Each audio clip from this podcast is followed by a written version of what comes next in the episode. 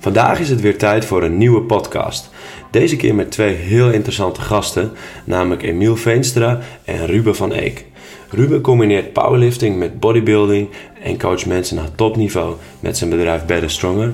En Emiel Veenstra heeft op nationaal uh, niveau ervaring met powerlifting en traint momenteel voor een bodybuildingwedstrijd. Uh, beide hebben topprestaties geleverd in zowel bodybuilding als het powerlift wereldje en ook nog eens een eigen sportvereniging opgezet in Groningen. En dat allemaal naast een studie aan de Rijksuniversiteit Groningen.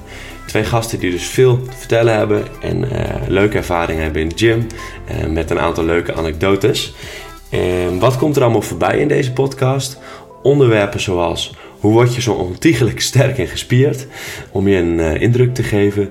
Ruben heeft PR staan van 270 kg squat, 190 kg bench, 320 kg deadlift. Impressive cijfers met een bodyweight van 90 kg. En Miel Veenstra heeft op, uh, in het verleden op nationaal niveau in powerlifting gepresteerd. Een aantal wedstrijden daarbij gewonnen en zich gespecialiseerd in uh, bodybuilding tegenwoordig. En hij combineert het ook nog eens met zijn studie geneeskunde. Nou, als ik Emiel en Ruben zie trainen, dan uh, druipt het fanatisme en het plezier voor de sport er vanaf. Echt inspirerend en mooi om te zien.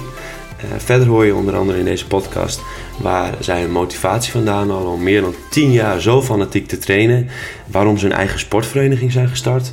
En je hoort wat de grootste valkuilen zijn voor zowel beginnende en fanatieke krachtsporters. Dus ook een aantal handige tips. Maar genoeg van mijn kant.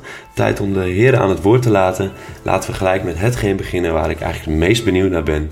Waar halen jullie je motivatie vandaan om al zoveel jaren zo fanatiek te trainen? Dat is een goede vraag. Ik vind motivatie, als ik erop terugdenk, altijd iets heel uh, ja, tricky, om het zo maar te noemen.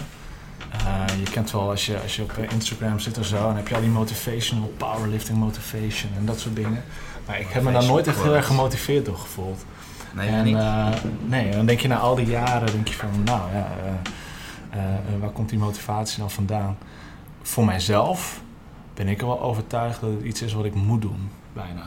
Ik kan niks anders. En ik word doodverdrietig als het... Uh, als het, uh, als het wel heel extreem, Emiel. ja, nee, dat zei de psychiater ook. Ja. Maar uh, gelukkig heb je tegenwoordig overal medicijnen voor. Ja.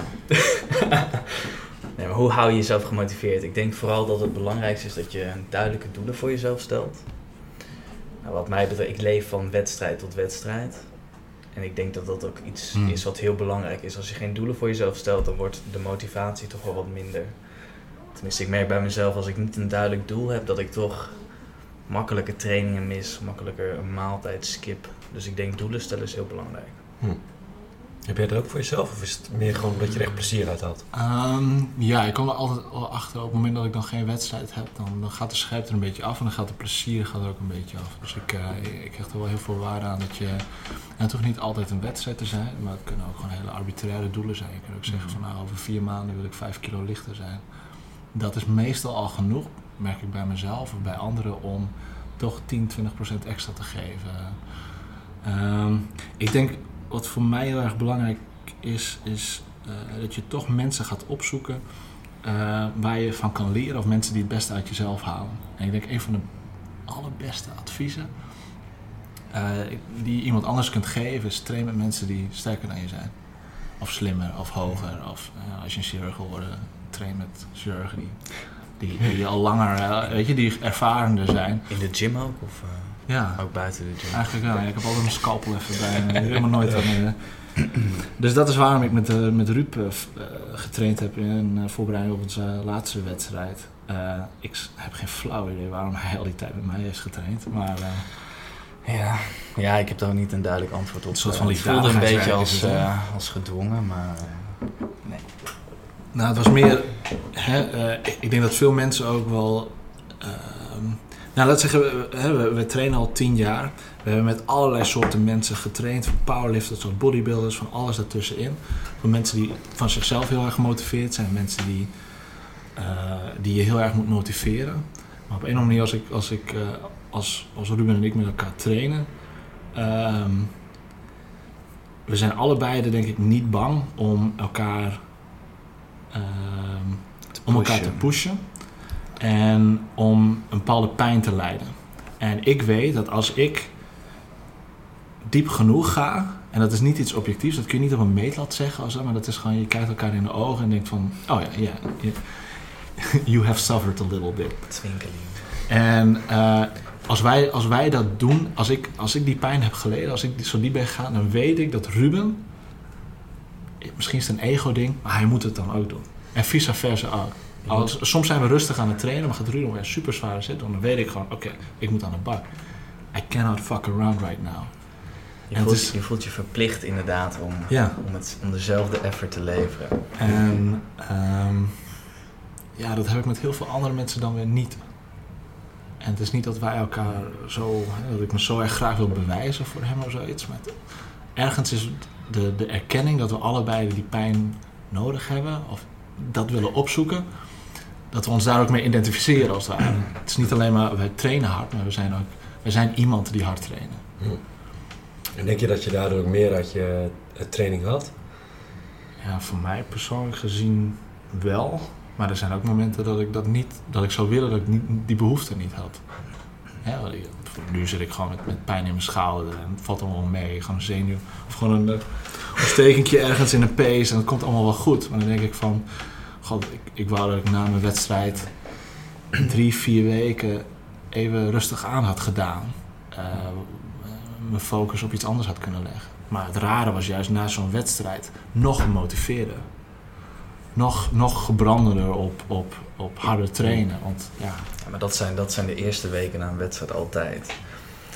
En vooral als je, nou, zoals Emiel, een iets minder bevredigend resultaat hebt gekregen. En niet dat het aan jou Ik kan wel janken nu. Ik kan wel janken nu. Doe maar, dat is goed voor de viewers. Ja, hij was eigenlijk te groot. ja, hij was te groot inderdaad. Hij was te gespierd. Je had ja, ironisch?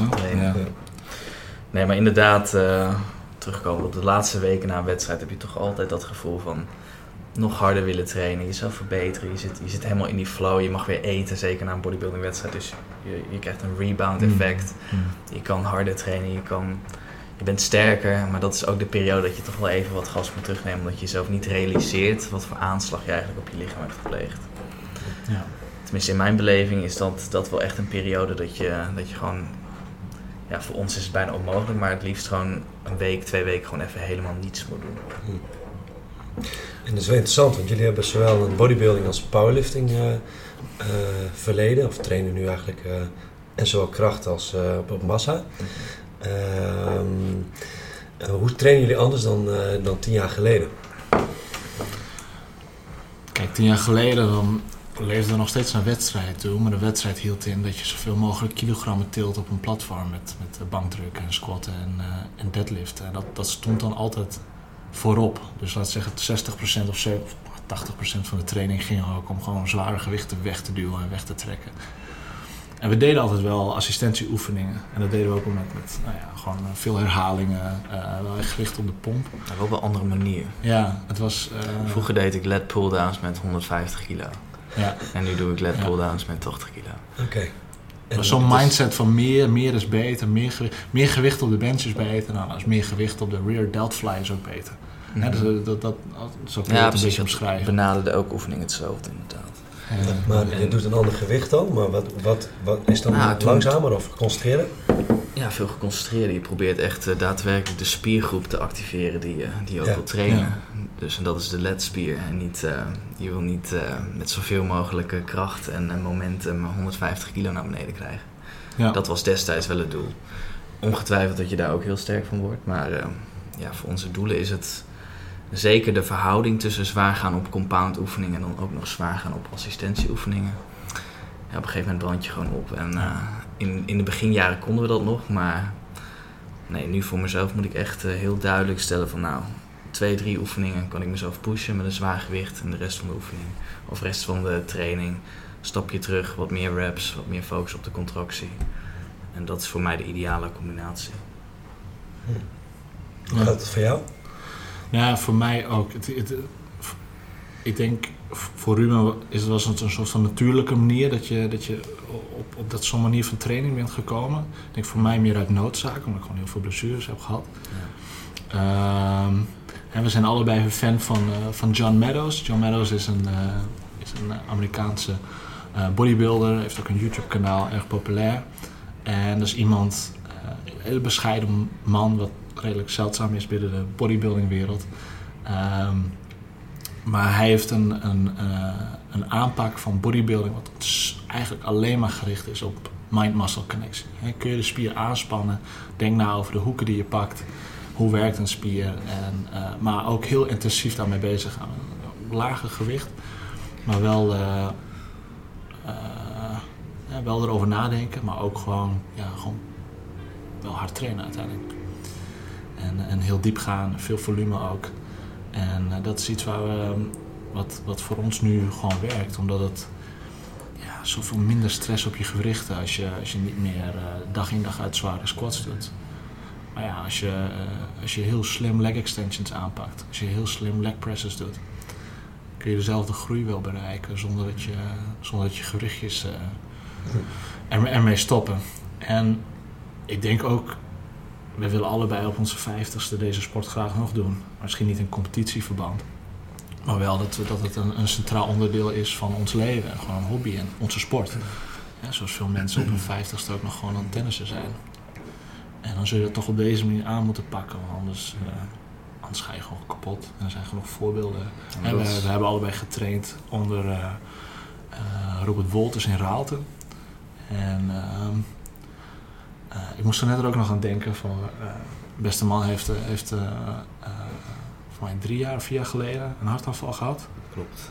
En ehm, ik weet nog wel dat hij ergens had hij een post op Instagram of hij zei het of zoiets. En dan zei hij van nou, als, als ik een paar dingen had kunnen veranderen al die jaren. En ik had het anders kunnen doen. Dan zei hij nou, dan kom ik een beetje terug op ons vorige onderwerp. Zei hij van nou had ik één keer per jaar, had ik één maand volledig gewoon niet aan trainen gedacht. En was ik ook niet aan het trainen. En uh, daar wil ik nog even terugkomen. Van, ik, ik denk dat dat wel, wel goed is. Hè? Dat, je, dat je niet het hele jaar alleen maar keihard aan het trainen bent. Maar dat er ook een moment is dat je gas terugneemt. Misschien wat anders. Misschien een andere sport op, oppakt. Hè? Mm. Ik denk dat uh, voor iemand zoals jij, uh, waarbij je een soort van, van polysporter als het ware. Je doet, je doet alles. En misschien is dat voor jou heel makkelijk switchen. Dat je, oké, okay, nou, nu ga ik mijn aandacht besteden aan wielrennen. Maar wij zijn heel erg monomaan daarin. Uh, dat is voor ons wat Ik zou heel graag een, uh, een, goede ballerina willen zijn, maar... Uh, dat weet ik. Nou, er zijn vele ja, bodybuilders voor jou geweest. Dat passen niet, dus... Uh, nou, die kunnen we terugkomend op, uh, op wat uh, Emiel eerst zei over waarom, uh, wat, ik de, wat voor toegevoegde waarde ik zou kunnen hebben, of Emiel zou kunnen hebben voor mij tijdens het trainen. En dat is eigenlijk dat we ja, allebei de, een enorme wil hebben om te trainen. En dat is... Um, wij hebben eigenlijk niemand nodig die ons vertelt van nou, je moet maandag, dinsdag, woensdag, donderdag in de gym staan. Dat is iets wat er gewoon in zit. En bij heel veel mensen zie je dat niet. Ik bedoel, als ik met iemand samen train, dan ben ik de persoon die zegt van oké, okay, twee, drie, vier, oké, nog twee, nog twee. Andersom zie ik dat zelden. Dus er zijn heel weinig mensen die, waarvan je dat ook terugkrijgt. En bij Emiel ja, dat is eigenlijk het, het, grootste verschil met een andere trainingspartner. Dan krijg ik dat wel terug. En dat, dat zorgt er gewoon voor dat ik meer uit mezelf haal. Want vaak kan, kan ik nog wel twee reps doen, maar als je alleen traint, dan doe je dat, doe je dat niet zo snel. En als iemand tegenover je staat en zegt nog twee, dan denk je, ja, godverdorie, ik, ik, ik doe er nog drie, weet je wel. En zo box je een keer een beetje tegen elkaar op. En dat is, uh, ja, of een, of een gigantische dropset. En dat je weet van, nou, elk setje dat ik extra doe, die moet Emiel ook doen. Dus uh, dat, dat is ook het leuke. Dat, dat je echt jezelf pusht en dat je weet van nou, hij gaat het ook doen. En dat, dat samen, dat zorgt wel voor uh, ja, onwijs harde trainingen. Het nadeel is alleen wel dat wij uh, elkaar kunnen kapot maken. Mm, doordat ja. wij elkaar inderdaad echt de vernielingen werken. En dat was zowel vroeger als nu? vroeger was het anders. Ja. Ja. Ja, nou ja, misschien ook wel, maar um, hmm. op een andere manier. Ik bedoel, het is nu echt uh, meer pushen tot falen. Vroeger, in de, toen, we, toen we echt fanatiek aan het powerliften waren, waren het gewoon setjes op de bench, setjes op de squat, setjes op de deadlift. Was het heel geprogrammeerd ook. Ja, precies. Ja. Dus dat, uh, okay. dat is wel iets anders. Ja. Ik, ik, denk om daarop aan te haken en ook een beetje voor, voor heel veel andere mensen. Uh, ik denk dat heel veel mensen, als ze samen trainen, nou, ik wil niet zeggen bang, dat, dat is meteen weer zo'n zwaar woord, maar alsof ze ik denk dat ze bang zijn om iemand anders te pushen, omdat ze dan weten dat ze zelf ook aan, aan de bak moeten. Hm. En ik denk, Interessante stelling. Interessante filosofie, Ja, maar wel waar. en ik, Ja? Absoluut. ja. ik denk als je dat laat varen, Mhm, als je samen met iemand traint, eh, praat met die persoon. mhm. Eh, spreek wat je ziet. Eh, eh, zeg eens een keer, een paar keer. eh, doe wat extra reps of zoiets. Eh, leg bijvoorbeeld je handen. eh, Oké, je bent een leg extension aan het doen. Oké, wat train je? Je quadriceps. Nou, dat weet iedereen in de gym wel, dat, dat je de quadriceps traint. Oké. Maar je wilt, je wilt zo'n spier aanspannen. Mm. leg maar eens je vingers op die quadriceps bij je trainingsspannen. Mm. En, dan, en dan ben je met elkaar bezig. Dat is veel intensiever, veel leuker. Er zit Ja. zoveel interactie in. Probeer dat maar eens. Doe dat maar eens. En wees niet bang dat, je, dat, je, eh, dat, dat mensen raar opkijken als daar. of, of dat ze iets van jou vinden. Maar just, just do it. En, en have, have some fun met elkaar. Want wat je vaak toch ziet is dat ze met z'n tweeën aan het trainen zijn. Dan heb je een trainingspartner. Maar staat één gast op zijn mobiel te kijken. En een andere gast staat, staat, eh, eh, staat te squatten bijvoorbeeld. Dat is prima. Dat, als dat voor je werkt, is prima. Maar ik denk als je, als je iets wil, dan Hmm. zit er veel meer eh, kracht in met z'n tweeën. En we, ja, je doet een solo sport. Hè? Dus in principe, ja, als je het helemaal in je eentje bent en je gaat naar huis toe na vijf minuten als je de gym bent binnengekomen, ja, er is niemand die jou op de vingers zal tikken. Er is geen coach, er is niemand die zal zeggen, nou, dat hoef je niet te doen. Maar de, de kracht is dat je dat met z'n tweeën, eh, Ja. dat je daar veel meer energie uit kunt halen. En Ja. ik denk ook dat veel mensen, eh is trouwens een mooie tip om, om iemand te zoeken waarmee je verder komt, zeg maar. ik denk ook dat veel trainingsmaatjes niet altijd eh, eerlijk zijn in hun feedback. Eh, dat ze niet alles, dat dat bij jullie misschien heel sterk is dat je elkaar verder helpt. Zijn jullie ook eh, direct naar elkaar in de feedback of opbouwend? Ja, heel erg. Tenminste, ik, ik doe mijn best om dat wel te zijn. Ja. Ik, ik zou niet anders willen. Oké. Ja, ik, ik- wat je, wat je, hè, we, we trainen nu even niet samen. Dat gaat geheid weer gebeuren. Mhm. Eh, en dat is misschien ook wel, dat is misschien wel het beste voor mij. eh. Vanaf vanavond slaap ik weer slecht. ja, dan, weet, dan weet hij, eh, dan houdt hij de WhatsApp gewoon in de gaten. Dan zit hij te wachten. Ehm ben ik even kwijt, waar we het over? Over Ja. de, de feedback of mensen, Ja, dat mensen feedback. daar eerlijk eh, in Ja. zijn. Ja. Maar ik, dat klopt inderdaad. Want het kan ook eh, kleine, kleine dingen. Ik bedoel, als jij denkt van nou, als jij eh, je elleboog iets lager houdt, dan activeer je iets beter je chest. Dan zeg je dat. Dat wil niet per se zeggen dat dat ook zo is. Maar Mhm. je probeert in ieder geval wel te communiceren. Je probeert de, degene tips mee te geven waarop de oefening waarschijnlijk nog beter kan worden uitgevoerd. Ja. En voor een squat, bench en deadlift, ja. Ik bedoel, dat, dat beheersen wij alle twee wel eh, op zo'n danige wijze. Dat, tuurlijk, feedback is altijd welkom, maar Ja. zelden eigenlijk nog. Ja. Ja. Mm. Oké, mooi. Ik, ik, ik, ehm, Misschien is dat een mooi moment om eh, naar, naar de ontwikkeling van de krachtsport te gaan. Die is volgens mij eh, enorm gegroeid de afgelopen jaren. Zeker. Als je het vergelijkt met tien jaar geleden. Eh, hoe zien jullie de ontwikkeling? Eh, hoe kijk je daarnaar? Ik vind het fantastisch. En eh, hey, ik, ik, ik zit zelf natuurlijk in de gezondheidssector. En wij bij je 10 jaar, 15 jaar geleden dus, moest iedereen meer cardio doen. Iedereen moest wandelen en lopen. En dat, vind ik nog dat, dat blijft ook super belangrijk. Maar krachttraining wordt, eh, werd ontzettend onderschat. En nu zie je dat we nu 15 jaar later zijn. En dat krachttraining een veel centralere rol speelt. Eh, het wordt een beetje uit het, eh, uit het kale hoofd, dood- doodskop op je schouder, imago, komt het een beetje los. En ik denk dat we nog heel veel te winnen hebben. Ehm, het gaat gewoon de goede kant op. En we, we, we zijn nu voor een groot deel gewoon, voor een, groot, voor een significant deel zijn we gemaakt van spieren. Dat is niet zonder reden. We, we moeten bewegen, we moeten dingen duwen, trekken, optillen. En eh, hoe beter daarmee om te gaan op een gecontroleerde manier, eigenlijk in een soort van laboratoriumomgeving. Hè? Het is, je hebt geen, het, het gras is niet nat. Je hebt geen tegenstanders die je proberen te, te, te slijden, weet je. Dus je, je kunt het heel systematisch aanpakken. En, eh, Een zweterige big gym zonder magnesium. eh, ja, dat is een ander dat verhaal. wil voor Dat is spektakel. nou ja, laat, laat zeggen, als je bijvoorbeeld naar, naar de vereniging kijkt. Een, een van de dingen die ik heel erg belangrijk vond, is dat of je nu man of vrouw was, oud of jong, of je nog nooit ook maar een sport hebt gedaan, of je bent eh, eh, eh, atletische roeier of zoiets. De spullen die er moeten zijn, moeten ervoor zorgen dat jij op jouw niveau kunt sporten. De, een squat kunt doen of een deadlift kunt doen. Dus als je bijvoorbeeld in onze gym kijkt, er is een vrouwenstang voor vrouwen, die is wat kleiner, die is wat lichter. Maar we hebben ook een stok voor mensen die gewoon alleen maar de beweging moeten oefenen en in de juiste houding moeten komen. Maar we hebben ook uh, bumper plates van 2,5 kilo voor de dames die wel een snatch willen doen op de juiste hoogte, uh, maar nog geen normale plates kunnen gebruiken. Ik, en we hebben natuurlijk een aantal stangen die, voor, zeg, nou, je bijvoorbeeld hele stijve schouders, je een schouderblessure. Nou, we hebben een speciale stang, zodat je nog steeds squat kunt doen. Uh, zonder daarbij je schouders heel erg uh, in een rare positie te krijgen.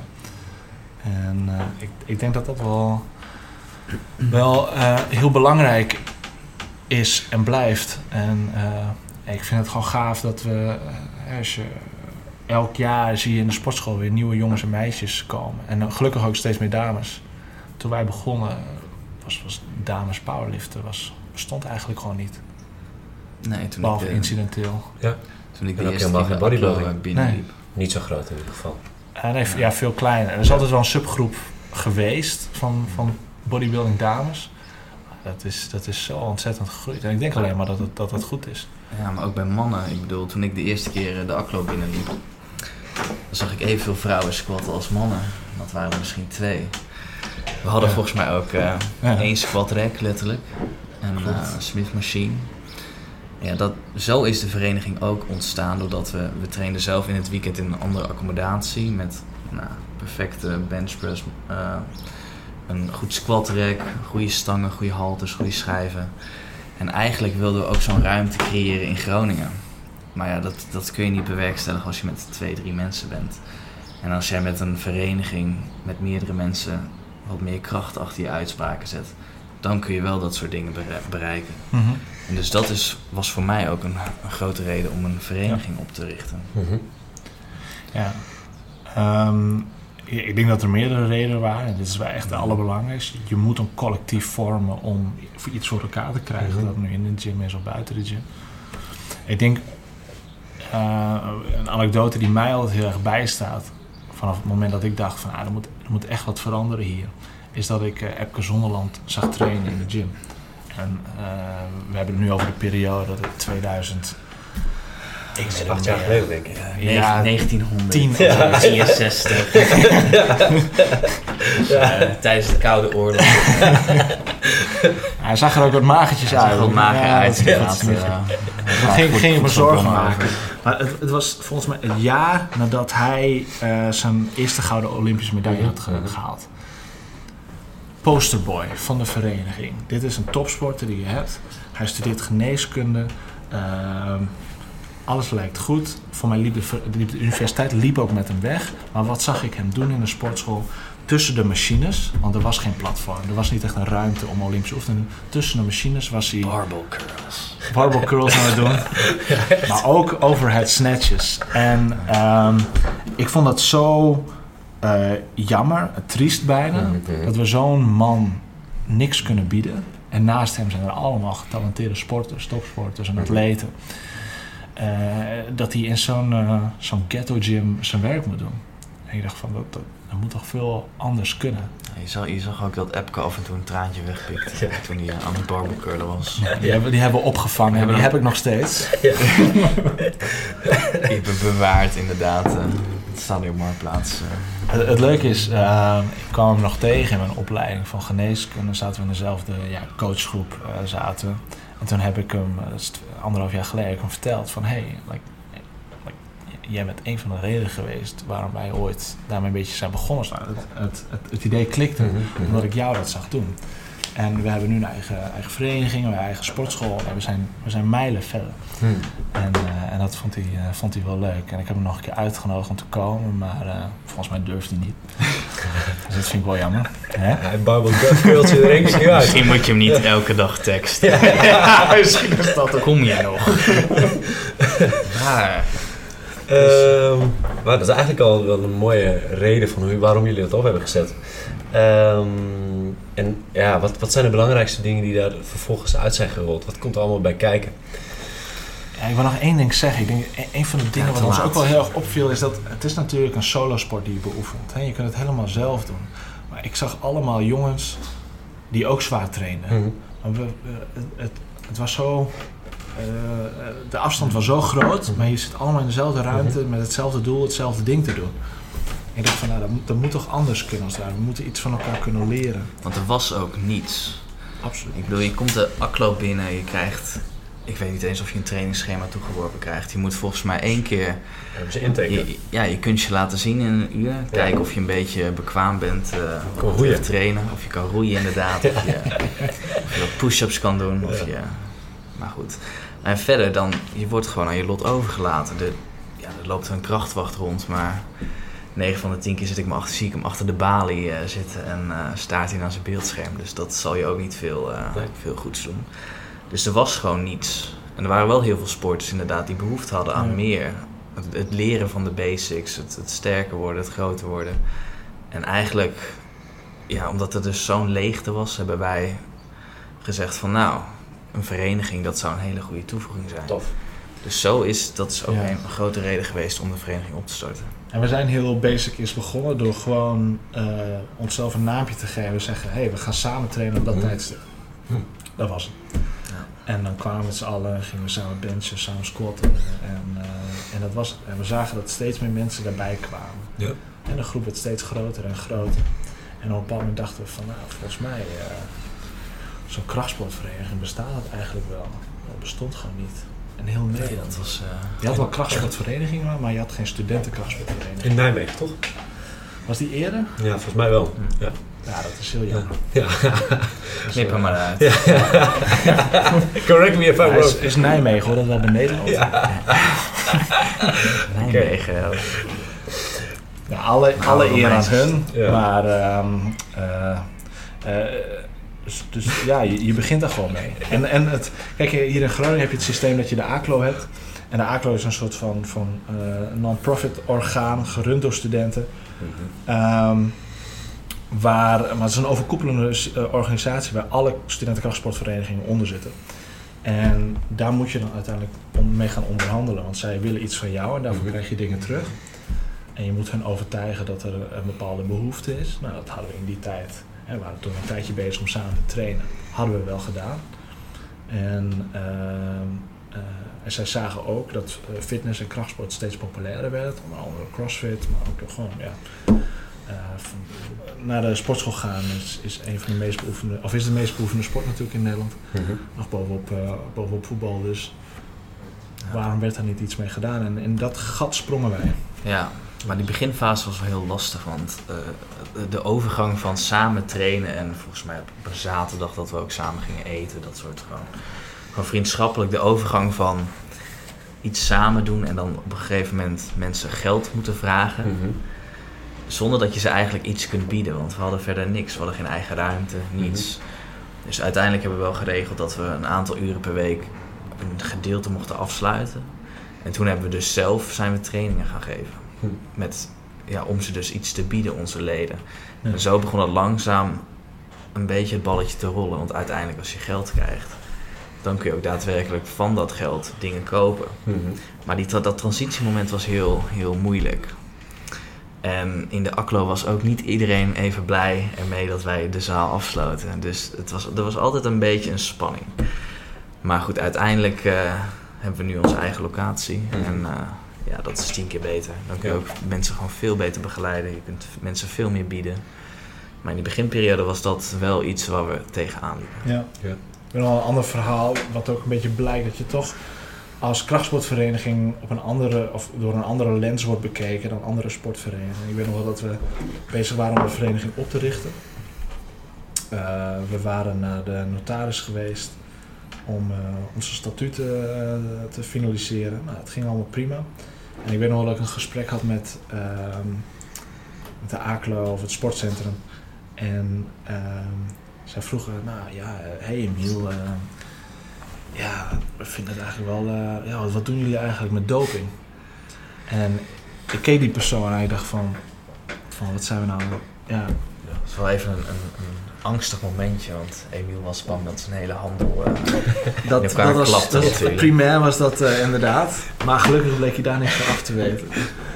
Ehm, hij, eh, hij zei van, ah ja, jullie, en er is toch vaak een bepaald vooroordeel over Ja. krachtsport en veel doping en, en, en, en dat soort dingen. Ik, aan de ene kant vind ik dat hypocriet, Mhm. aan de andere kant prima. En we hadden er ook al rekening mee gehouden, want we hadden volgens mij toen als enige vereniging, een enige sta- eh, student-krachtsportvereniging, hadden we in de statuten hadden we al staan een, een, een dopingverklaring. Mhm.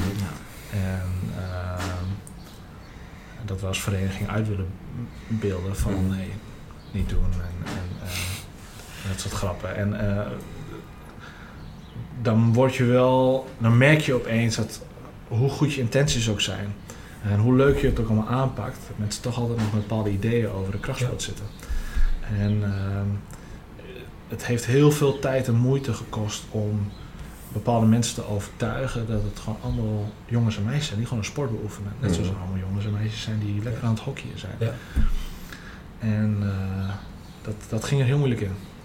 Ik denk als je kijkt naar tien jaar geleden, dat je als je nu zo'n vereniging zou, zou kunnen starten, dat het een stuk makkelijker is. Omdat het positieve Absoluut. associatie met krachttraining en het functie ook voor andere sporten er veel meer is. Ja. Het mooie van, van hoe jullie het nu hebben, zeg maar, is dat er ook andere sporters zijn die vanuit andere disciplines komen trainen, omdat de faciliteiten zo goed zijn.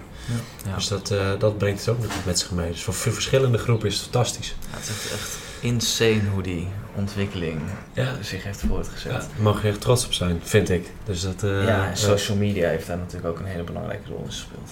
Ja, ja. Ik, heb, ja, ik heb nog wel een interessante van, wat hebben jullie eigenlijk van het, het hele proces geleerd? Van het vereniging opzetten.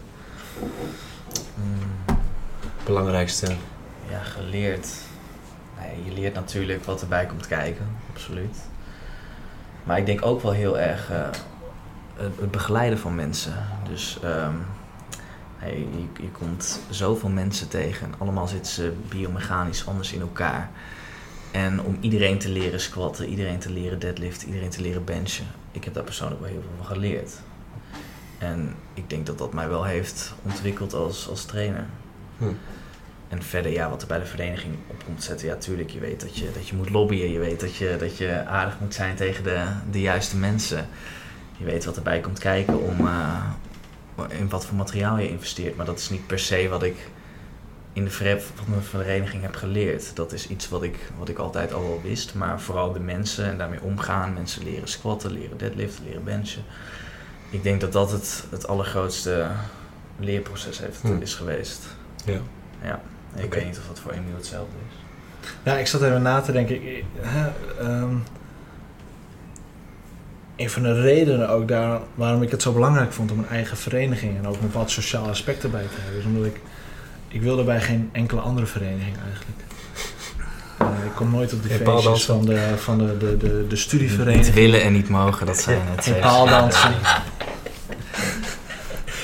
Eh, dat soort dingen. En ik weet dat, het waren allemaal clubjes, dat- niet volgens mijn ideeën, niet volgens mijn regels. Ik vond het allemaal een beetje geforceerd en raar. En, eh, Je hebt, eh, je hebt bij de Groningen Giants heb je volgens mij een keer... we hebben één training gedaan. Ja. Ja, dat is een uh, daverend succes was dat. Ja, toen wilde je niet, eh, niet zonder boksen douchen of wat was, eh, wat was het probleem? eh? Nou, ik ben toen huilend van het veld gegaan, want iemand, iemand wist mijn tweede naam. Oké. Dat, eh, ja, dat is, die krijg je, dus daar kun je niks aan doen. Hè? dat is altijd kut als je derde naam mooi is. Ja, precies. Maar ik, ik denk als jij. Hè, er zijn genoeg mensen die het gevoel hebben van: hé, hey, ik, wil, ik, ik, ik wil nergens bij horen. Of ik heb het gevoel, ik, ik, wil, ik wil wel ergens bij horen, maar er is niks voor mij. Ja, ik kan me dat wel herinneren dat je in het begin vooral dat sociale element ook wel miste. Ja, nee, heel Gewoon erg. puur, Ja. eh, ja. Ja, En- voor mij was dat eigenlijk minder. Omdat ik eh, wel redelijk een Einzelganger ben en niet heel... Ja, ik kan heel sociaal zijn, maar ik ben... Nou ja, Als ik alleen moet trainen, prima, maar voor Emiel was dat Twee jaar wel- geduurd voordat we gewoon met elkaar konden praten. Ja, dat is nog steeds eh, een, eh, een heel moeilijk proces, ja. Duren de training ook langer met Emiel vandaag niet? Eh, ja, absoluut. Maar dat is puur vanwege het feit dat, eh, dat we gewoon meer sets doen. Ja, We doen meer reps, we doen meer oefeningen. Nou, ook omdat Ruben aan het klagen is over zijn vriendin natuurlijk. Dat, eh, Ja, nou ja. Nou, dat kunnen we eruit knippen. Ehm, Het is gewoon heel moeilijk. En wat duurt het echt langer? Als je in je eentje bent, gaat het sneller? ja, absoluut. Hoeveel? Eh, ik denk dat wij wel twee uur bezig zijn en ik ben zelf uur en een kwartier, uur, anderhalf, uur bezig. Maar er zijn natuurlijk heel veel mensen die, die wel op tijd zitten. Die zeggen van, nee, ik heb geen zin om drie uur met krachtsport bezig te zijn. Zou je dan hun adviseren om wel een trainingspartner te nemen?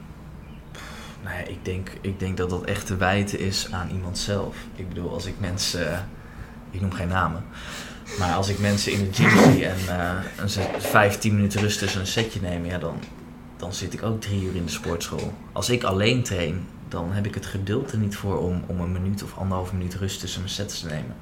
Mits natuurlijk een, eh, of tenzij natuurlijk een, een zware deadlift, een squat, eh benches. Mhm.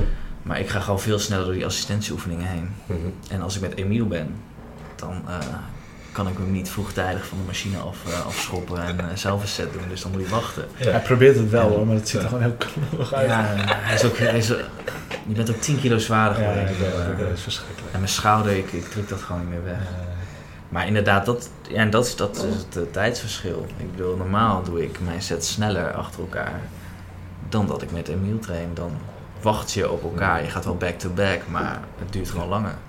maar jij bent wel iemand die heel snel traint volgens mij. Jeroen. Nee, is inmiddels niet meer. Vroeger wel. Ah, Ja. Oh, De rollen zijn omgedraaid. Ja, ik krijg moet jij zwaar vragen. trainen. we Ja. vinden wel dat sinds je, sinds je bij ons traint, je gaat wel eh, snel progressie inderdaad. Ik zie opeens, er zit wat spanning op het t-shirtje en zo. Precies. Ja, Ja, je- was, je een niet, eh, eh, strak t-shirtje was je niet bekend met ons eh, doping eh, vereniging? Ja, ik hoef, Laten we bespreken het nu even. ik hoef hem alleen maar naar jullie te kijken en dan groei ik al. Jullie coachen echt, eh wij zijn een nieuw bedrijf begonnen, ongeveer een jaar geleden. Klopt, En eh coachen sporters eh, om better, stronger te worden. Absoluut. Ja. Waar haal je de meeste voldoening uit eh, eh, als je sporten begeleidt? Eh, de meeste voldoening haal ik uit het feit dat mensen progressie maken. Hm.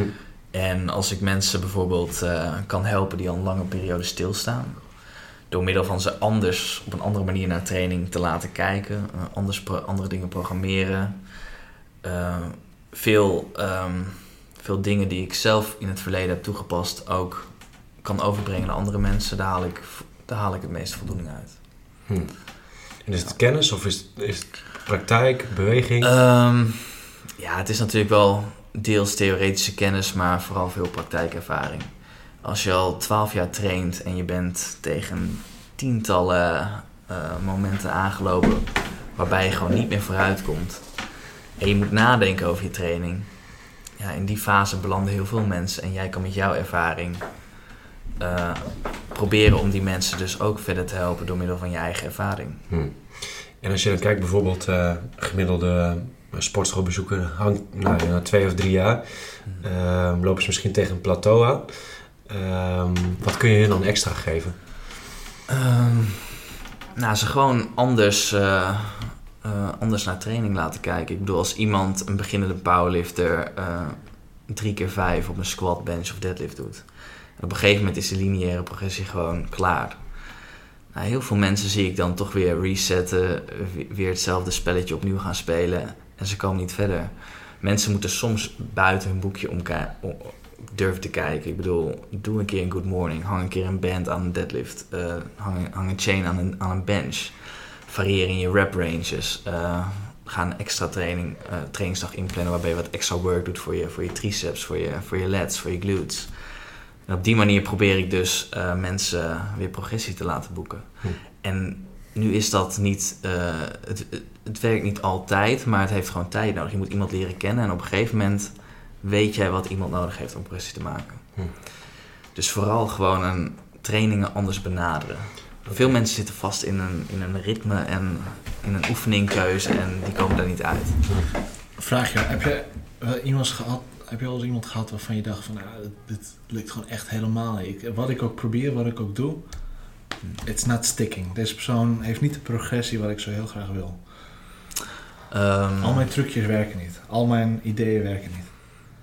Nee, dat heb ik eigenlijk nog niet Ah, gehad. Oké, dat is goed. Nee. Ja, dat is een goede, Wel, goede, wel, goede tuurlijk, je hebt wel, je hebt Ja. wel, je hebt wel eh, momenten dat je iemand eh, vier tot acht weken op een bepaalde manier laat trainen en dat het voor een squat en een deadlift wel werkt en voor een bench niet. Hm. En dan ga je nadenken inderdaad, hoe kunnen we dat veranderen? Hm. En eh, ja, dat kan door middel van, eh, van drie keer full body overgaan op een upper body, low body split. Mhm. Dus dat je iets meer volume op de bench doet. Microloaden werkt echt super voor vrouwen. En eh, ja, je, je, ja, je, probeert gewoon telkens andere dingen. En, eh, Maar ik heb nooit gehad dat, dat, dat iemand geen progressie maakte. een microload is heel langzaam ja, met opvoeren. van, van, van een halve kilo, een kilo. Mhm. Dat is, het is heel moeilijk om eh, een schema voor een vrouw te programmeren als iemand in een commerciële gym traint en Mhm. 1,25 kilo de, de lichtste plates zijn. Ja. Want een stap van 2,5 kilo is immens op een bench van, eh, van 40 kilo. Dus vaak adviseer ik dan ook eh, dat ze zelf wat kleinere plates kopen. Ja. En op die manier kun je wel gewoon progressief blijven laden. Dus echt fanatieke krachtsporten herken je aan dat ze hun eigen gewichten meenemen. Absoluut, ja. Oké. Hey, en eh, als je kijkt naar je eigen trainingsprogressie, als je denkt van hé, ik heb op een gegeven moment liep ik tegen een plateau aan en het moment eh, waardoor je dat doorbroken hebt en eigenlijk waar je nu het meest trots op bent. Dus ik heb bijvoorbeeld op mijn bench heb ik die 10 kilo extra over de deadlift of de squat. ja. Eh, welke fix heb je daarvoor gedaan? En denk je van hé, dat vind ik leuk om, om de luisteraars mee te geven. Eh, het meest trots ben ik denk ik op mijn deadlift.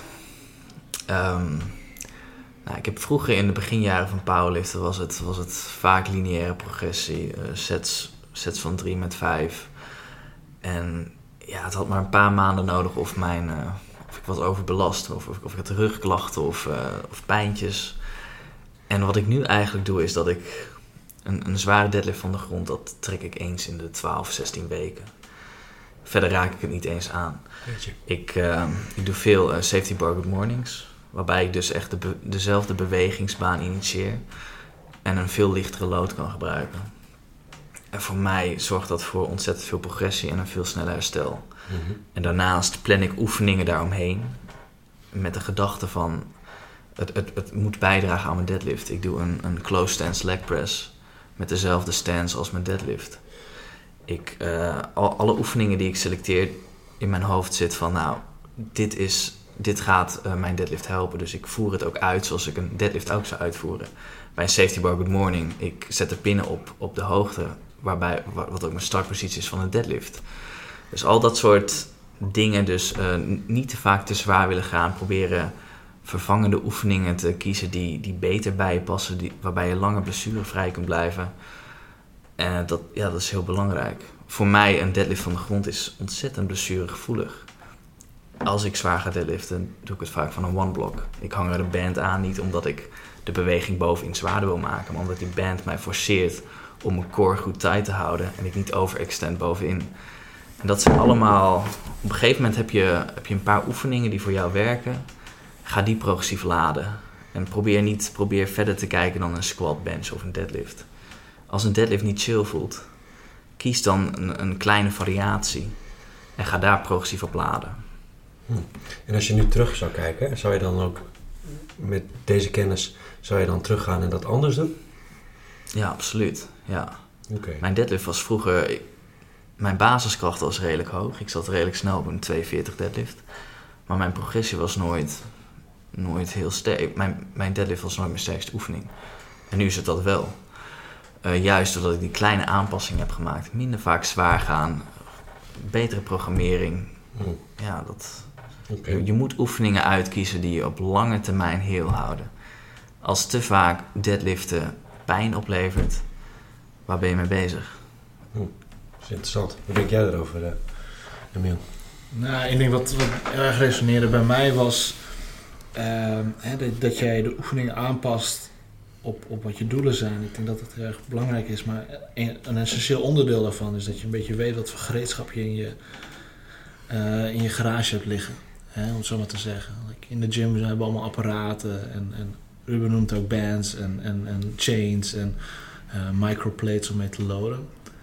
Ehm, voor mij een van de eh, een van de aspecten van, van de krachtsport wat mij, waar, waar ik heel veel verdieping in zie.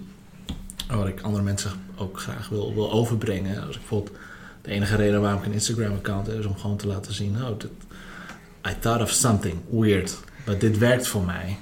En mijn, mijn, mijn lichaam is redelijk kapot, maar dit werkt voor mij. En eh, dat vind ik leuk om, om te delen. En ik hoop altijd dat andere mensen daar naar kijken en denken van... Ja, je, je kunt een leg press doen. Zoals die, zoals die op het papiertje staat, hè, het plakketje aan de zijkant. Maar ehm, je kunt aan heel veel knoppen draaien. En hoe leuk en hoe interessant wordt het om aan die knop te draaien. En dan ga je richting Rubens verhaal. De stance anders. Change erbij. Uh, misschien wat meer loaden op de quads in plaats van op de hams. En dat, dat, dat zijn... Uh, daar, zit, uh, daar zit heel veel lol in wat je kunt hebben. Maar ook heel veel gewoon pure krachtwinst. en nou ja, we zijn allebei... Ja, je, hoeft niet, ja. je hoeft niet zwaar te tillen om sterk te worden. Dat is iets wat ik ja. door de jaren heen heb geleerd. Hm. Maar je moet er wel serieus over nadenken. Absoluut. En consistent zijn. Ja, ja. altijd. Ja. Hey, uh, want jullie hebben beide door de vereniging of door jou, jouw werk als coach veel sporters voorbij zien komen. En ik denk ook verschillende fases herkend. Uh, waar ik vind dat jullie al redelijk uh, ver zijn in, in die trainings, trainingslevel. Ehm, welke fase herkennen jullie bij sporters vanaf het begin tot en met nu, zeg maar? Dus jullie zelf. Ja, ik, ik vind het wel lastig om aan te geven. Ik, ik, kan alleen maar ben, ik kan alleen maar eigenlijk nu even naar kijken van hoe ik het liefst zou willen eigenlijk. En ik denk voornamelijk in het begin, ja, je wilt mensen gewoon de basics leren van de compound oefeningen. Ze moeten gewoon goed kunnen squatten, deadliften en een overhead press kunnen doen. Maar ik wat ik eigenlijk veel belangrijker vind is dat ze het gewoon leuk vinden. Want dat Ja. is de basis. Ja. En wat ik vaak toch wel zie is dat mensen eh, door externe druk te snel wedstrijden mee gaan doen, te serieus bezig zijn, dan meteen met allemaal. Dat is ook een van de nadelen hoor, van, van, van als je bijvoorbeeld naar onze vereniging kijkt, de mate van een sportbeoefening is eigenlijk op een veel eh, hoger niveau dan bij veel andere sporten. Als je gaat volleyballen, je bent een student die gaat volleyballen. Oké, je traint misschien één of twee keer in de week en zaterdag doe je een wedstrijd. Dat is prima. Verder doe je er niks aan. Maar als je bij ons, de meeste mensen die bij ons krachttraining doen, die hebben allemaal speciale schoenen en dit en speciale sleeves. Maar ook hun eten gaan ze opeens overal over nadenken. Slaap. Eh, slaap wordt opeens veel belangrijker. Eh, eh, hè, het, is echt, het wordt echt een soort van levensstijl. Mhm. En dat kan prima zijn, dat kan iemand wel motiveren. Maar in het begin denk ik toch van... Wat is er mis met de sport gewoon beoefenen zoals sommige mensen gewoon één keer in de week zondagochtend een, wat gaan voetballen en daarna gaan zuipen. Hè, we, we, we- we zitten met onze krachtsport voor mijn gevoel soms wel heel erg vast in. Het is allemaal heel super gezond en je moet Mhm. groter en sterker worden. Nou, maar ik denk toch Ja. dat dat... ehm, dat je dat misschien toch te veel op jezelf betrekt. Nou, ik, ken, ik, ken, kunnen, ik ken genoeg mensen die, die, die de gym inlopen, een workout doen en niet Ja, meer ik, ik had trainen het denken. specifiek binnen, binnen onze sportschool. Als je kijkt Ja, naar, naar, naar- Hij is ook een fanatieke hond, hè? Ja. Ja. Nee, maar dat klopt inderdaad. Ik denk wel inderdaad als jij eh, inschrijft voor een wedstrijd, er komt heel veel bij kijken. Mhm. Het is niet simpelweg eh, twee uur in de gym knallen en, eh, Ja. en lachen naar huis en eh, Netflix aan en Mhm. er Mhm. moeten maaltijden gegeten worden, er moet goed geslapen worden. Alles, heeft, van alles heeft een grote invloed op jouw prestaties in de sportschool. En tuurlijk is dat bij een, een, een, een volleybal in competitieverband ook zo, maar ja, je, bent niet, je bent toch individueel minder afhankelijk, denk ik, dan, dan bij een, een sport als powerliften. Wij hebben niet elf, elf man om ons heen of Ja. iets dergelijks. Dus ik denk inderdaad dat, eh, dat wat Emiel zegt, dat dat wel een goed punt is. Dat je dus... Ja, het heeft echt een grote impact in je leven. Hm. Op je leven. Ja. En neemt ook veel tijd in. Ja, Ja, maar ik zou soms wel willen dat mensen ervoor kiezen, voor kozen om dat niet te doen. Wel de sport, maar misschien niet meteen die enorme diepgang. erin. Ja. Het is mooi dat dat er is. Mhm. Het is mooi dat je dat kunt doen als je dat zou willen. Ja. Maar ik heb, hè, als, we, als je het hebt over de vraag die je stelde, Mhm. van, hè, als we terugkijken naar de tien jaar die we doen en, en de jaren Ja. waarbij we bij de vereniging dingen hebben gedaan. ehm, we hebben ook heel veel mensen wel met heel veel enthousiasme zien beginnen. Dat we daarna er niks meer van horen als Mhm. daar. En dan denk ik toch van misschien iets te snel in het diepe gegooid. Iets te snel te veel. Mhm. Ik denk van nou, als je dat langzaam had opgebouwd, dan was het een heel ander verhaal geweest. Hm. ja. Eh, eh, je- je- het, het kan te veel zijn. Ja.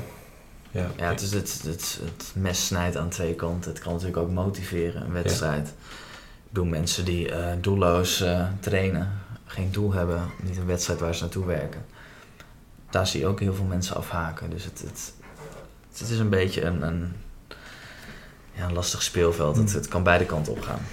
Nou, dat is natuurlijk dat je, je hebt een sport dat heel objectief is. Hè? Nou, hadden wij het ook, eh, ook, ook eerder over. Alles is te meten. Het aantal hoeveelheid herhalingen, wat voor oefeningen doe je, hoeveel sets doe je, hoeveel gewicht heb je getild. Wat is je totale volume over een week.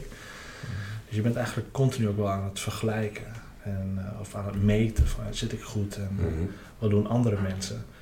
Ja, dat kan, dat kan heel motiverend werken, zoals u ook zei. Maar dat kan ook heel erg eh, confronterend zijn. Ja. En in die zin is de sport ook heel erg confronterend. Want als je gewoon een slechte dag hebt eh, op het voetbalveld, ja prima, hè? er zijn tien andere mensen die jou, eh, Afzeiken.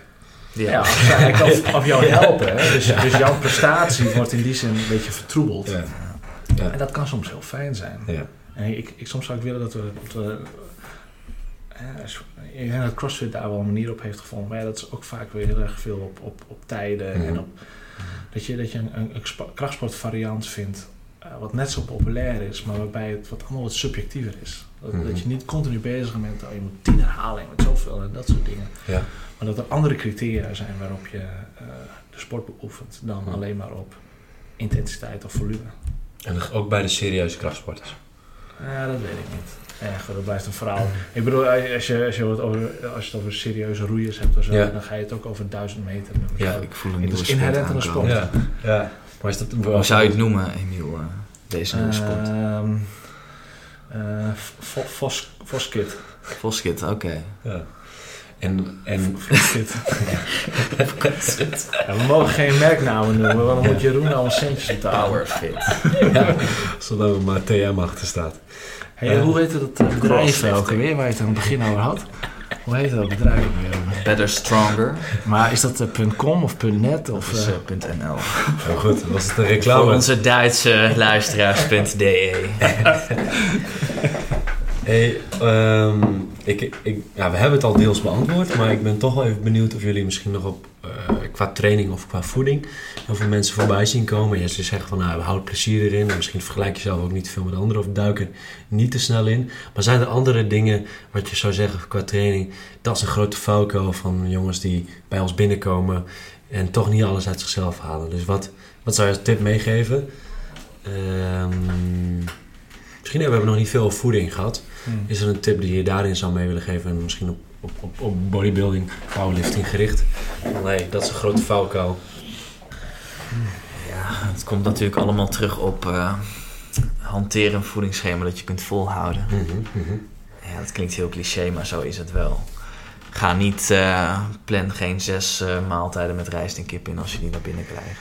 Hm. Je moet dan wat vrijer worden in je, in je voedingkeuze. Ik denk dat, dat veel mensen dat, die grote fout maken. Nu wil het wel zeggen als je, nou bijvoorbeeld iets als if it fits your macros. Dat kan positief zijn, maar ik, tot een bepaalde mate. Het kan ook voor veel stress zorgen als jij ehm, elke dag een bepaalde caloriekeuze hebt. Mhm. Je mag het zelf invullen hoe je dat gaat doen. Ja, dan, dan ben je ook heel veel aan het rekenen en elke dag. eh, ja, je hebt niet, niet een duidelijke structuur. En ik denk voor echt een, een fanatieke krachtsporter dat vaste maaltijden wel absoluut kunnen bijdragen. Zeker naar een wedstrijd toe. Je wil, je wil niet elke dag een ander voedingsmiddel in je lijf stoppen, omdat je niet precies weet wat het effect is. Dus eh, wat ik zou doen is, nou, zet 80% van je voedingsmaaltijden zet die vast. En die andere 20% besteed het zoals jij het wil. Laat in ieder geval ruimte voor, eh, voor een eigen invulling. Mhm. En dat houdt het ook leuk. En daarnaast denk ik gewoon dat, dat de basis blijft gewoon hard trainen en goed eten. De Dus- 80-20 regel. Ja, of 70-30, Ja. wat, wat, wat jij wil. Maar probeer in ieder geval wel eh, een paar guidelines eh, eh, vast te houden. Een aantal calorieën, heel belangrijk. Genoeg proteïne, maar hoe je het verder invult. Ja. Totdat je inderdaad in een contest prep zit, dan wordt dat belangrijk. Maar voor veel krachtsporters, je kunt het ook overdenken. Je moet gewoon genoeg eiwitten binnenkrijgen, genoeg calorieën. Train hard, dan word je groot en sterk. Dus maak het niet te ingewikkeld. Als je inschrijft bij uh, Better Stronger. Ja, ik wou net zeggen, eh, het klinkt goed. Die houden er weer vast in. Kan ik dit fragment eh, straks terugkrijgen? Dan kan ik het op de Ja, website. zeker. eh. Vooral met die stem. Er moet een soort van jingle voor. Oh, ja, ja. Hey, eh, hebben jullie ook onderling een eh, meningsverschil over training of voeding? Of misschien slaap? Of, eh, Ik denk dat... Ja, Emiel slaapt graag op zijn rug, maar ik, ik, ik prefereer op mijn zij. Ja. We worden het er niet over eens. En, eh, ja. Ooit. Ooit Ik kan me niet voorstellen dat jullie eh, overal hetzelfde over denken. Nou, het is wel lastig. Man, man, man. Nou, gooi eens een onderwerp op Jeroen. Waar, eh, Ehm, ik denk, Toch die stoplichten weer. Ja. eh. ik, eh, eh, laten we het eh, daarop gooien of je altijd eh, tot falen moet trainen. Oké, ja, ik vind van niet, maar jij ook niet, denk ik. Nee, ik vind het ook niet. Nee. Oké. Pick your battles. Ehm, hmm. Vind jij, eh, vind jij dat je compound oefeningen must zijn voor een bodybuilder? Dat ligt eraan in wat voor stadium de bodybuilder zich bevindt. Ik denk voor iedereen in het begin zijn de compound oefeningen essentieel. Ik denk als je op een bepaald niveau bent dat je het prima kunt onderhouden door een chest press te doen in plaats van een bench press, door een, eh, eh, I don't know, een leg press in plaats van een squat. Maar ik denk in het begin is, ja, ik zie oefeningen als een squat, bench en deadlift om je frame op te bouwen wel absoluut als noodzakelijk. En ik denk ook dat elke Mr. Olympia die, eh, die oefeningen zeker heeft gedaan in het begin van de carrière. Hmm. Ik bedoel, nu zie je natuurlijk een Dexter Jackson niet meer zwaar trainen. Maar in zijn beginperiode heeft hij dat absoluut gedaan. Hmm. Om maar een voorbeeld te noemen. Dus ik denk absoluut dat die essentieel zijn. Ja. Nou, hoe denk jij daarover? Ja, nee, eens. Ja, nou, dan ga ik de vraag anders stellen. Eh, omdat jullie eh, met z'n tweeën stil ja knikkers zijn. Ja. Ehm ik had niet anders verwacht. Eh, is- Trump als president. nee, maar ik heb wel een idee. Als je kijkt naar, is er een, een, een, een, zeg maar een lifter of echt een professional binnen deze branche? Of iemand die jullie denken van, hé, hey, die heeft echt iets, iets bereikt. Eh heden ten dagen in de krachttrainingwereld. Waar jullie denken van, hé, hey, die doet echt iets anders wat ik, wat ik niet zou doen. Is er iemand met een filosofie? Dat je zou zeggen, die heeft echt wat bereikt. Maar hoe die het, hoe die het heeft gedaan, ah, daar kan ik me echt niet in vinden. Ja, nou ja, dan zou je de tientallen bodybuilders moeten op, eh, opnoemen die inderdaad... eh, die alleen op machines ziet en een shitload aan eh, steroïden in hun lijf pompen en eh, met goede genetics eh, het podium halen. Hm. Maar verder, ja, Dus iedereen navigeert eigenlijk een beetje naar dezelfde theorie en praktijk. Ja, ik, ik denk inderdaad dat, dat alles wel neerkomt inderdaad op hard, hard trainen, goed eten. De compound oefeningen in het begin. Veel, veel zware, simpele compound oefening. En hoe, hoe, hoe verder je komt in dat proces, hoe meer je gaat toevoegen. Mhm. En uiteindelijk vindt iedereen zijn weg wel, eh, doordat je op een gegeven moment weet je wat je aankan, wat je lichaam aankan, welke oefeningen voor jou goed zijn. Mhm. Ik denk dat iedereen in datzelfde proces komt. Ja. Ja. Emiel, jij wat? Uiteindelijk, uiteindelijk is het toch gewoon natuurkunde wat je bedrijft. Je Mhm. hebt een spier en dan moet je gewoon schade aan toedoen. Nou, dat doe je met gewichten. En eh, of je nou op je kop staat of niet. Mhm. Hè? Duidelijk. Nee, is goed. Jullie zijn het eigenlijk eh, met eh, iedereen eens. Dat is mooi. Eh, Alleen nou, Goed gedaan. Ja, Eh, ja. Hoe ga je eh, om als je een, een, een dipje hebt, al eerder gehad? Eh, is voor jou het stellen van nieuwe doelen? Geldt het voor jou ook? Als je denkt, nee, ik ben ergens tegen aangelopen. Nou, ik heb een periode gehad dat ik heel veel last van mijn schouder had. En ik kon eigenlijk ook niet meer squatten daardoor. Mhm. En, en het duurde maar en het duurde maar. En dat was nog voordat ik mijn schouder liet opereren. En ehm, toen heb ik heel erg bewust, ben ik minder in de gym geweest. En heb ik andere sporten geprobeerd. En eerder werd al genoemd dat ik bij, eh bij eh American Football eh, heb gekeken. Maar ik heb ook andere, andere sporten gedaan. En paardrijden toch? ja, het heeft niks geholpen. Nee? Nee, het heeft niks geholpen. Wat heb je nog meer gedaan? Golf? Golf, rummy cup.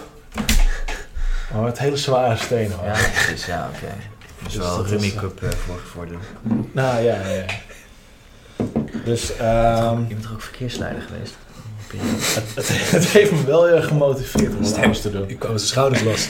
Maar Ja. het, eh, het, het loste mijn blessure niet op. Maar ik denk Ja. als, je, als, je, als je het gewoon niet meer ziet zitten. Als er, nou, e- een van de dingen die mij heel erg blijft motiveren om helemaal terug te komen aan het begin is, is een, eh, zijn andere mensen en andere omgeving. En als dat jij je nog steeds eh, in dezelfde gym traint. eh. Ja, nee. Wat je niet weet is die, die tweede training op een dag. Dat doe ik door middel op de vismarkt. Tuin van de Eh, buurman. eh. Nee, nee, maar eh, wat, wat, wat hè, soms. Je, hebt die externe prikkels nodig. Mhm. Al is het maar een andere omgeving, andere machines, andere Mhm. materialen, Ja. andere mensen. Daar ga je misschien al gewoon simpelweg gewoon al harder van trainen. Hm. Dus ga eens naar andere gyms, kijk eens wat ze daar hebben. Eh, eh, als je een keer eh, eh, eh, eh, een uitje hebt voor je werk of zoiets, ga daar ook gewoon echt trainen. En, en zoek dat op. En boek een hotel naast een, naast een sportschool. Moet je het allemaal niet overdrijven of zo. Eh, luisteren studenten die eh, geen geld hebben voor hotels. Ah, Oké, zou nou, we doen een Airbnb. Ja. En eh Backpack. Kamperen. kampeer, kampeer voor de sportschool. En- Ja, of en slapen in de gym. Kan en ook zoals. Emiel stelde, stel je hebt een schouderblessure. Mm. Ga niet, blijf, blijf niet benchen. Ga niet, Hm. ga niet shit doen wat pijn doet. Het, Mm. het zorgt echt voor een negatieve spiraal. Eh, ga iets anders doen. Maar eh, Ruben, stel, ik, ik weet even niet hoe ik iets anders zou moeten doen. En ik wil in een sportschool gaan. Zijn er mensen die mij daarbij kunnen helpen? Ehm, eh, ja, een vriend van mij heeft recentelijk eh, samen met mij uh, Oh. betterstronger.nl opgericht. Heel goed. dus wij kunnen je daarbij helpen. Oké, nice. Jullie doen coaching, toch? Eh, coaching, Ja. personal training en eh, ja, eigenlijk alles wel. Helemaal goed. Het, het gras maaien nog net niet, maar eh Ja. Mooi. er wel in over. Als jullie eh, één ding eh, zouden kunnen meegeven aan een eh, beginnende sporter om ontiegelijk sterk en gespierd te worden, wat zou dat voor jou zijn, Ruben? Consistentie. Consistentie? Dat is het codewoord voor progressie. Oké. Je moet, dit, is een, dit is een spelletje wat je heel lang moet doen. Om heel sterk te worden moet je gewoon heel veel trainingen, trainingsuren erin steken. Je moet heel veel voeding tot je nemen en vooral blijven doorgaan. Hm. Je bent niet na twee, drie jaar groot. Dat, dat duurt 15 jaar. Dus vooral blijf je trainingen doen. Ehm, ja, blijf volhouden. Mhm. Uiteindelijk eh, komt dat moment dat je, dat, je, dat je het spelletje snapt en dat je groot en sterk bent. Hm. Maar dat heeft gewoon tijd nodig. Dus wees consistent in alles. Skip geen trainingen. Neem niet, eh, neem niet elk jaar twee maanden off of weet Ja. ik veel wat. Eh, Ja. Doe gewoon je ding. Het progressie is minimaal, maar hoe langer je het blijft doen, eh, alle, alle steentjes vallen uiteindelijk wel op elkaar. Ik, ik heb er nog, wel, nog eigenlijk nog wel een aanvullende vraag, maar ik denk dat wel veel jongens daarmee zitten. Die eh, jou dan zien denken, ah, die, die, die is echt te sterk en eh, dat wil ik ook. Ja, dat hoor ik inderdaad Ja. Nee, maar echt een, eh, eh, een sterke buffel en die denken van, nee, dat wil ik ook. Maar eh, die, die zeggen dan van, ah ja, ik heb niet de aanleg ervoor, niet de genetics om, om, eh, om veel massa aan te zetten. Ja. Eh, geloof je daar ook in? Nou, ik ben. ik zie mezelf niet als iemand die. ik heb bovengemiddelde genetics, ik zal het toegeven. Maar nee, ik zie absoluut niet mezelf als iemand, als een genetisch wonder. Ik ben begonnen met eh 55 kilo lichaamsgewicht. Mhm. Was eh, de, de dunste en de kleinste was jongen van de een klas. maand na je geboorte bedoel je? Dit was eh, twee maanden na mijn geboorte. Nee, Ja. maar ehm, ja, ik, ik heb het ook allemaal moeten op, eh, opbouwen. Mhm. Ik Ja. was er gewoon heel obsessief in. Ja. Bij mij draaide alles om trainen. Mhm. Ik bedoelde, toen ik op mijn 16e begon en 55 kilo woog. Na mijn eerste training was ik hooked. Ik dacht van nou, als ik dit heel vaak ga doen, dan word Ja. ik heel groot en sterk. En eh, je neemt je broodtrommel mee naar school en eh, je mag pas eh, de gym in als, als je broodtrommel leeg is. Zulke regels stelde ik voor mezelf. Mhm. Later naar bed gaan om nog even wat extra calorieën binnen te krijgen. Je, moet, je moet er gewoon veel voor opgeven. En ik denk als je echt, echt groot en sterk wil worden, dan kun je niet om een beetje obsessief zijn heen. Oké. Dus voor mij, ik ben net als elke andere man begonnen met eh 40, 50 kilo op de bench. Mhm. En uiteindelijk eh, binnen een aantal jaren eh, zat dat op 190. Maar Mhm. dat, dat heeft gewoon heel veel tijd gekost. Ja. En tuurlijk heb je mensen die eh sneller progressie maken dan, dan iemand anders. Maar als, jij dat, dat, als je al die, die, die intensiteit en uren die je erin stopt uitsmeert over een lange periode, kun je ongetwijfeld hetzelfde bereiken. Ja. Dus jij gelooft eigenlijk dat je iedereen die jij zou coachen, of bijna iedereen, wel 10 tot 15 kilo spiermassa erbij kan trainen? Oh, absoluut. Ja. Dat is wel veelbelovend. En het hele aspect van eh goede genetics, ja, je, je kunt niet echt bepalen of iemand goede genetics heeft als iemand nog nooit hard heeft getraind. Hm. En dat is wat ik heel, heel erg vaak zie bij mensen bij mij in de gym. Ja, je hebt goede genetics. Ja, nou ja, misschien jij ook. Maar ik heb jou nog nooit hard zien trainen. Wat, wat gebeurt er met iemand als iemand drie jaar consistent hard traint? Dan pas kun je zien of iemand goede genetics heeft. Als, niemand, als, als mensen zich niet pushen, Ja. hoe weet je dan waar, waar jouw potentieel ligt? Ja. Dus dat is, het is een heel, heel vaag, eh, Ja. vage term, goede genetics. Ja. Tuurlijk, sommige mensen, ja, dat zie je gewoon. Ik bedoel, eh, we hebben nu ook weer zo'n eh, Noor bij ons in de gym lopen. En Mutant. de, de, de, de spierinserties, alles, alles klopt, zeg maar. Mhm. Tuurlijk, je hebt zulke, zulke mensen, heb je, maar over het algemeen... Heel veel mensen bevinden zich in dezelfde range. En ik denk dat iedereen 250 kilo kan deadliften. Iedereen kan 150 kilo benchen. Iedereen kan 200 kilo squatten. Dat is mooi. Absoluut. Ja, dat is motiverend, maar ook wel inspirerend. De mindset vind ik fantastisch. Ja. En jij, Emiel, als jij één ding zou mogen meegeven en dan niet hetzelfde is. Oh, dat is mij wel heel. Consistentie Ik ga, het- ik, ga het uitgesloten. heel kort, ik ga het heel kort en bondig houden. En we hadden het er eerder over gehad. En een van de, een van de beste adviezen die ik mensen meestal... Ik ga nu een ander geven is... Ga met mensen trainen die eh, sterker, slimmer of groter dan je zijn. Mhm. Maar laat ik daar een heel praktisch advies op geven. Eh, wat ik te weinig zie in de gym is dat mensen... iemand is bezig op een machine. Dat is de machine die jij ook net wilde gebruiken. En wat ik dan vaak... Oh, hoeveel setjes moet je nog? Ja, drie. En dan lopen ze weg en dan gaan ze iets anders doen. En dan denk ik van, een gemiste kans. Mhm. Ga gewoon zeggen, mag ik met je meetrainen? En eh, doe dat. Ga dat eens doen. Als iemand op jouw machine staat, vraag gewoon om mee te doen. Vraag niet hoe lang veel setjes nog, maar hey, mag, ik, mag ik met je meedoen? Sure. En eh, als je dat nou ook nog eens doet bij, van, eh, bij gozers of dames waarvan je denkt van nou, die hebben er veel kennis van en die zijn goed bezig en intensief bezig. Zitten misschien in hun eigen babbel. Ja. Eh, helemaal fantastisch. Maar het train gewoon even mee. Eh, er zal altijd een uitwisseling van iets plaatsvinden. Het kan eigenlijk alleen maar positief voor je zijn. Dus eh, stap er gewoon op af. Durf iemand aan te spreken. Mag ik met je meedoen? Ik kan me bijna niet voorstellen dat, dat iemand nee zou zeggen. Hè, dus, maar er zit heel veel winst in. Mooi. Vind ik mooi om mee af te sluiten. Dank je. Wil ik jullie eh, bedanken. Ik, ik ben van mening dat we dit echt nog een keer vaker moeten doen. Jullie doen mooie, interessante kennis en ik vind het heel inspirerend. Dus eh dankjewel. Dit was weer een Fit Podcast. Wil je nou meer interviews lezen of podcasts luisteren? Ga dan naar fit.nl/slash interview. En dan zie ik je bij de volgende.